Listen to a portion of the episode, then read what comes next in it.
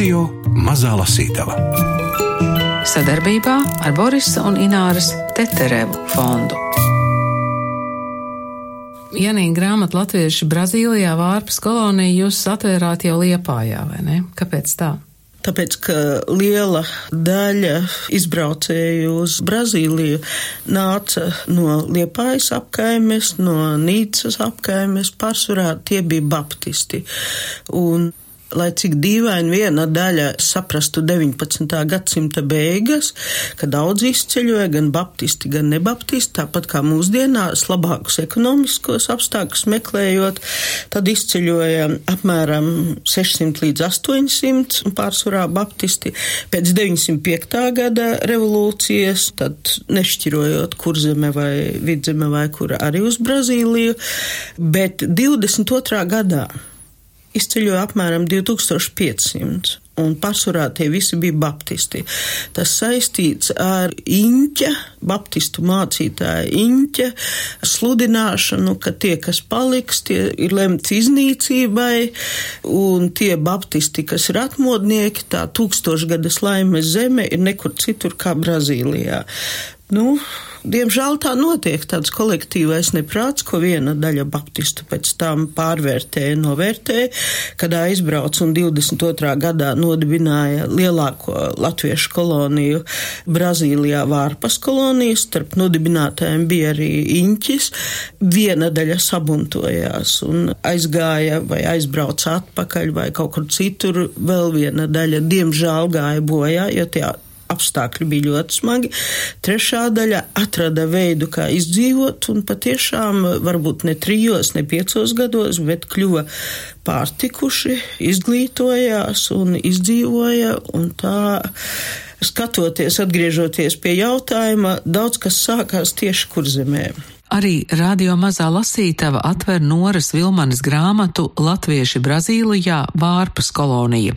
Par izceļošanas vilinājumiem un brīdinājumiem agrāk un tagad stāsta grāmatas ievada autore Janīna Kursīte, lasa Gundars Āboliņš šeit nozīmē kolonija. Nebija tāda kolonija kā Tobago vai Gambija, bet tā bija kolonija kā tāda kopiena. Tādā nozīmē. Kā kopiena, jā, jā jo tas ir Paulu kā... štatā, jā, mūža mežos, kur bija jāno līž līdumi, jāpierot pie pavisam citiem mājokļiem, kur bija cīņa par miršanu un izdzīvošanu. Bet līdzīgi kā latviešiem to bāgot, tur jau var nekādu medus maizi negaidīja. Nu, negaidīja. Te tas ir, bija tāds kuģa laimgaita kapteinis Ernests Feldmanis. Adolfs Šilde vēsturnieks savās atmiņās raksta par to Feldmani, ka nu, viņš apbraukājis visas pasaules malas, starp citu arī Gambiju, 34. gadā ar pseidonīmu Laukvīrs viņš izdevās izdeva pirmo grāmatu Latvijā par Gambiju tālo zemi. Viņš skatījās, nu te latvieši no visām pusēm tādi stipri pretinieki apdraud. Ir jāatrod sala kaut kur, kur latvieši būs laimīgi, kur nekas neapdraudēs, mēs dzīvosim vienā idilē.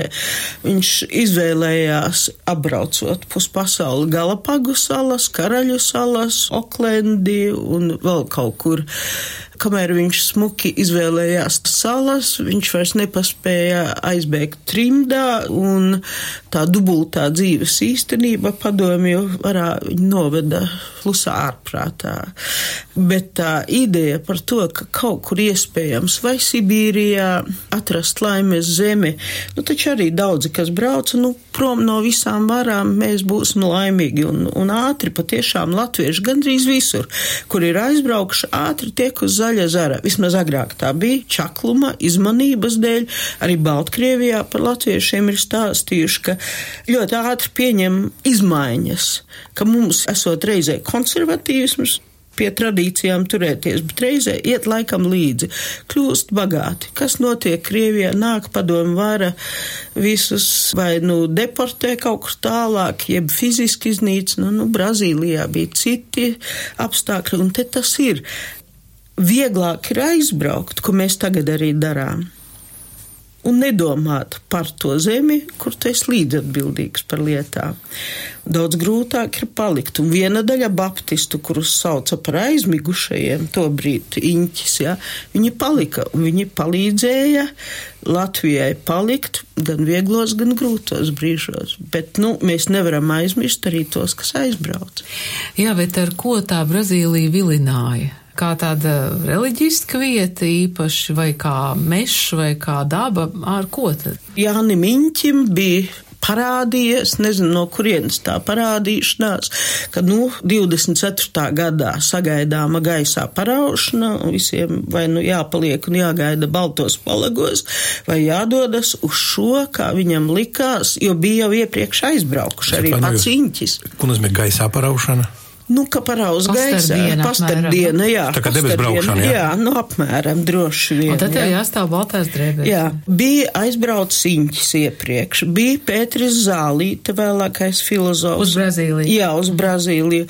Bija Kārlis Balodis, vēlākais. Ģenerālis? Nē, paldies Dievam, ne ģenerālis, tautsaimnieks Kārlis Balodis. Viņi apskatījās, tobrīd viņi bija kaut kur 20, 23 gadi, nu, ka tur liekas varētu lietas iet iet, un, un ka tur iespējams attīstīt biznesu un dzīvot pārtikuši. Viņi Pēters Zālīte, laikam 1890. gadā izdeva grāmatu par jauno iespēju zemi Brazīliju.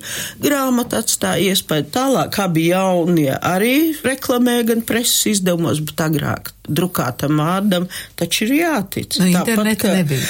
Interneta vēl ne tu nebija, tāpat kā Krišjānis Valdemārs sludinot, ka uz Novgorodas apgabalā Derevas sāģā ir brīva zeme, viņš jau sludināja, domā, nu 10, 20, nu 50 atsauksies, nu 100 nevairāk, bet tur taču veseli pūļi devās. Ja vienkārši, ka izlasa, nu, nezina, ka tie citi arī izlasa, un tas var pārvērsties tādā traģiskā vai traģikomiskā pat farsā. Bet eh, tas sākums, tā pirmā izbraukšana nebija saistīta ar baptistiem. Viņa gan bija ar baptistiem un ne ar baptistiem. Ja ņem pirmā, tad baptisti pārsvarā, bet neliela daļa, kas lasīja kuru no avīzēm vai žurnāliem, kurā tika sludināts, ka var braukt. Galvenā baptistu izbraukšana bija 22. gadā, kad viņi uz sapņa zemi devās, ko pēc tam ļoti sabiezinātās asās krāsās attēloja rakstnieks Jūlijas Lācis romānā Mūža meža malda valdi, manuprāt, 36. 37. gads, bet ko paši baptisti saka, ka tur ir pārlieku sabiezināts krāsas, jo materiālu Jūlijam Lācim piespēlējis kāds no tiem baptistiem, kas vīlās un kas atbrauc atpakaļ uz Latviju. Pats viņš tur nebija. Nē. Rakstniekam nav jābūt. Rakstniekam ir fantāzija. Var palasīt. Pirmais izceļošanas vilnis 19. gadsimta beigās. Vilinošās ziņas par dzīves un saimniekošanas iespējām Brazīlijā Latvijā izplatījās jau 19. gadsimta beigās vienlaicīgi ar Brazīlijas republikas nodibināšanos. Tā 1889. gada noglē laikrakstā Baltijas vēstnesis lasāms no Dienvidus Amerikas iz Latvijas ceļotāja Baloda kunga ziņojumiem Rio de Janeiro, bet paklau.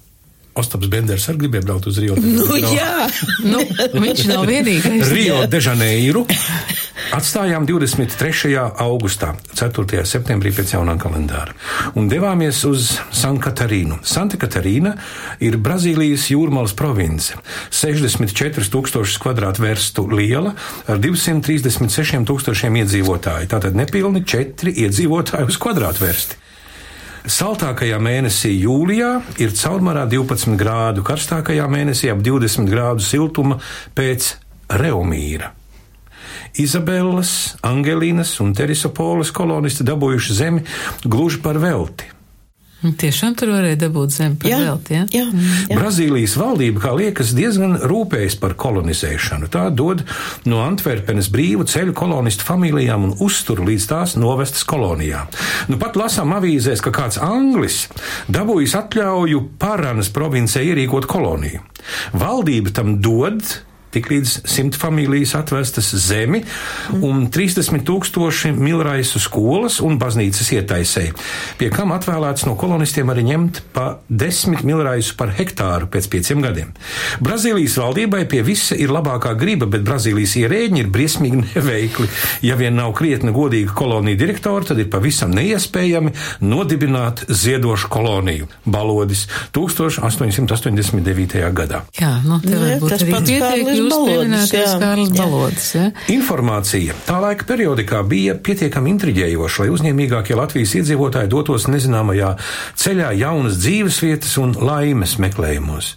Latviešu izceļošanu uz Brazīliju 19. gadsimta beigās un 20. gadsimta pirmajā pusē var minēt kā vienu no masveidīgākajiem brīvprātīgās emigrācijas piemēriem Latvijas vēsturē.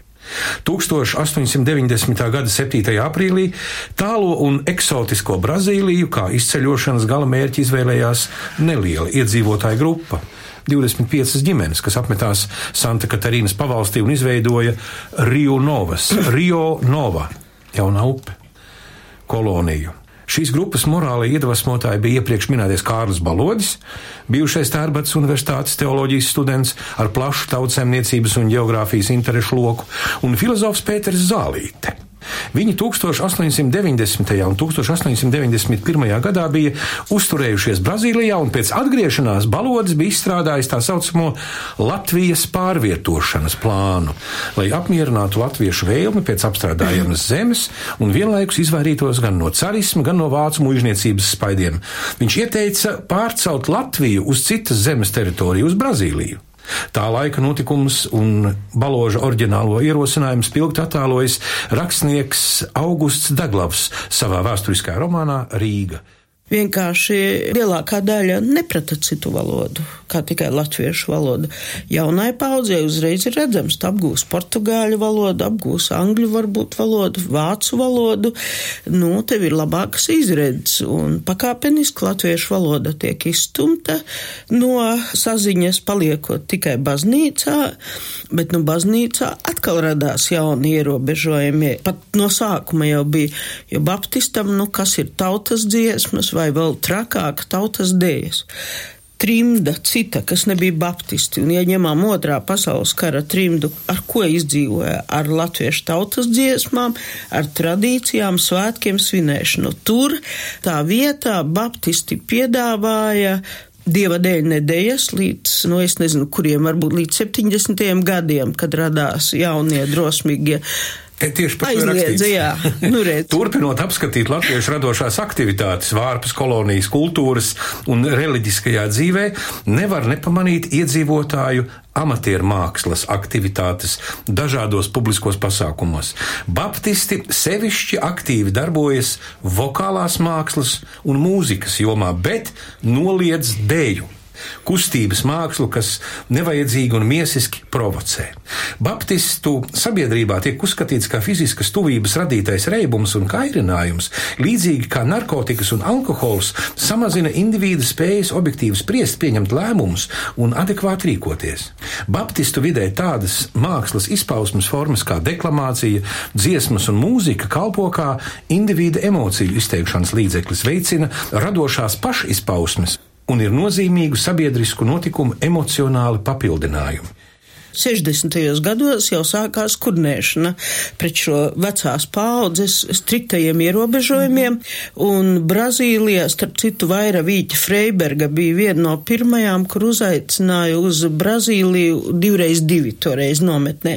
Un kā aizgāja divreiz divi nometņu kustība, tā, nu, vairs nevarēja nekādas dējas apturēt, runāt par dziesmām.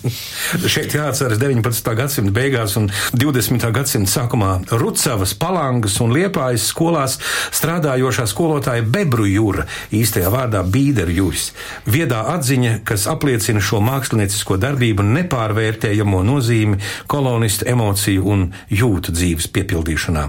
Dziedāšana veicina sirds jeb jūtu izdaiļošanos, jo dziesmā visspilgtāki atspoguļojas cilvēka jūtas.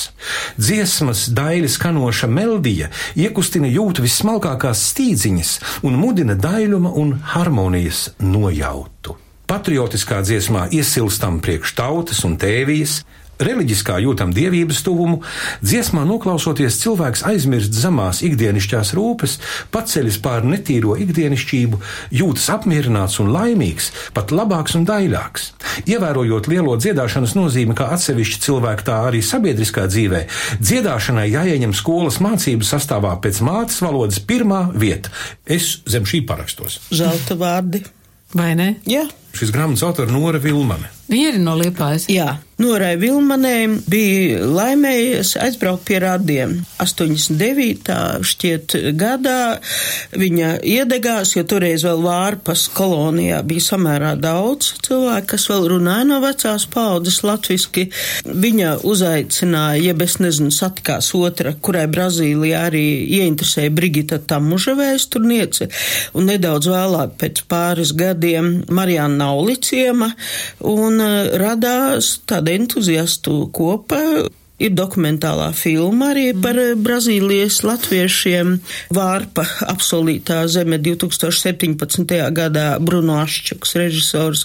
Bija raidījumu cikls būt latvietim Brazīlijā, režisors Ilgonis Linde. Brazīlija pētījuši vairāk. Vērtīga lieta vismaz nedaudz tā pa diagonāli izlasīt, lai padomātu pirms mēs dodamies kaut kur prom, kā citreiz saka no šīs riebīgās tās Latvijas, kur viss ir slikti. Jā, tu vienā brīdī varbūt nonāksi mazā komforta zonā, bet tu nezini, cik ilgi tas komforts turpināsies. Savā zemē es esmu drusku didaktiska šai brīdī, bet pat grūtā brīdī tu sajūti, ka apakšā tur ir tava zeme. Un te viss, gan tas, kas tika lasīts, gan vēl kas tiks lasīts no veciem un jaunākiem avotiem, rāda, ka jā, Brazīlijā latviešiem, aizbraukušiem latviešiem, bija arī gaiši brīži, bet cik daudz tur nepalika svešajā zemē un cik daudz tur nezaudēja savu identitāti. Var jau būt, ka cilvēkiem mūsdienu pasaulē ir pilnīgi vienalga, kādā valodā mēs runājam, un ja nav nekādu dziļāku saistību ar kultūru, varbūt, ka vienalga, kā augam, kur pārstāt tur aug. Nu, lūk, tas taču arī varētu būt tas aktuālais kuru nevar saskatīt. Kādreiz tik rosīgā vārpa mūsu pirmās ekspedīcijas dalībniekus 1999. gada februārī sagaidīja klusa un mierīga. It kā nogurusi, līdzīgi kā jebkura Latvijas mazpilsēta karstas vasaras dienas pievakarē. Ar garām, jo garām vakara ēnām, vientuļu jātnieku zirga mugurā uz galvenās ieliņas un uzrakstiem latviešu valodā pie pilsētas robežas esat laipni saņemti, un uz ēkām skārnis, saldējuma vieta, rūpnīca, drēbnieks, drauga vieta, vārpas aptieka un citi. Noskaņa gluži tāda kā par vārpu rakstīts avīzē zem dienvidu krusta. Kluss pavārdzis ciems ar laika balinātiem maziem namiņiem un veciem žogiem, un viņas 22 ielām ir diezgan kluss. Šeit bija iekoptas latviešu saimniecības. Katrs lielāks krūmu un koku pudulis liecināja par kādu bijušo māju vietu. Latviešu zemes īpašums ir atpirkuši kaimiņi, itāļu pēcnācēji, kam tagad pieder milzīgie cukurniedru lauki un cukurfabrika. Redz, arī viņa cukurfabriku pārdeva. No kā mēs to izdarām? Tādas mūsdienās ir seno notikumu atstātās pēdas. Kāpēc tādas pārvērtības? Vai senajā kolonijas vietā redzamais atspoguļo arī patieso latviešu diasporas stāvokli Brazīlijā 21. gadsimtā? Gadiem ritot lielajām latviešu ģimenēm nācās izšķirties vai nu turpināt dzīvi vārpā ar tradicionālo saimniekošanu un ierobežotām nākotnes iespējām, vai arī pārcelties uz lielajām pilsētām, kur bērniem vieglāk sasniedzamas skolas, lielākas izglītošanās iespējas un daudzpusīgāki darba pienākumi. Nu, nu, tā taču ir mūsu jaunā administratīvā teritoriālā reforma. Nu, viens pret vienu. Nu, no Brazīlijas viss nāk mums no Brazīlijas. Ar zinām nokavēšanos, bet nāk un līdz ar to arī plašākas personīgās izaugsmas iespējas. Kolonijas rosīgā, garīgā un praktiskā dzīve bija sagatavojusi šīs sabiedrības locekļus veiksmīgam turpmākās dzīves startam, pieņemt un izmantot tās iespējas, ko piedāvāja valsts ar saviem plašumiem, dabas resursiem un sasniegumiem, nu, arī trūkumiem. Vārpas iedzīvotāji pēcteči, izklīstot plašajā Brazīlijā, kopā ar citu latviešu koloniju pēcnācējiem veidoja latviešu diasporu, kam bija jaunas iespējas un mērķi. Reliģijā balstītais izceļošanas entuziasms, kas savulaik latviešus pārvilināja pāri Atlantijas okeānam, pamazām bija noplacis. Latviešu radošā enerģija meklēja jaunas izpausmes formas un atrada lieliskas iespējas, jo Brazīlijā ik viens, kam gudra galva un čaklas rokas, var atrast sev piemērotu nodarbošanos. Vairāk kārtējo Brazīlijas ekspedīciju laikā bija iespēja nedaudz iepazīties ar latviešu emigrantu pēcteču ieguldījumu dažādās tautsēmniecības nozarēs un zinātnes jomās - medicīnā, pedagoģijā, tehniskajās zinātnēs un citās. Tās ir pēdas, kas varbūt uzreiz nav saskatāmas un aptaustāmas, bet dod nopietnu ieguldījumu kopējā sabiedrības un valsts attīstībā. Bet liekas, ka kaut kas jau ir aizgājis, un tā arī ir viena no, no Noras Vilmanes grāmatas vērtībām, cerams, ka būs arī Brigitai Tamužai un varbūt vēl kādam, ka tas ir viens posms, kas ir jāpārliek un jādomā uz priekšu, bet diemžēl jaunieši vairs nerunā. Varbūt tie ir atsevišķi izņēmumi. Un tas ir tas, kas notiek. Var, protams, teikt, nu, dzīvē visi mirst, kas ir piedzimis, tas nomirst, bet tomēr gribas gan tautai, gan mums visiem to paildzināt. Un līdzīgi kā Sibīrijā arī bija sajūta, jā, ir ļoti skaisti, ka mēs intervējām latviski runājošos, bet piedalies tā kā reizē bērēs, vai tūlīt sajūta, ka būs bērēs, bet vēl ir kaut kas smeldzīgi skaists. Tā ir no vienas puses ļoti tradīcija, ka pilnīgi kaut kas tirps, ka tu esi klāt, kas pazūd. Bet kā to saķert? Nu, ko var palīdzēt? Ko var palīdzēt? Var tikai uzfilmēt, raudāt, var priecāties, var teātra izrādi, iestudēt filmu, uzņemt un lasīt grāmatu. Ar Janīnu Kursīti tiekamies šķirstot Noras Vilmanas grāmatu Latvieši Brazīlijā Vārpas kolonija izdevis Madris.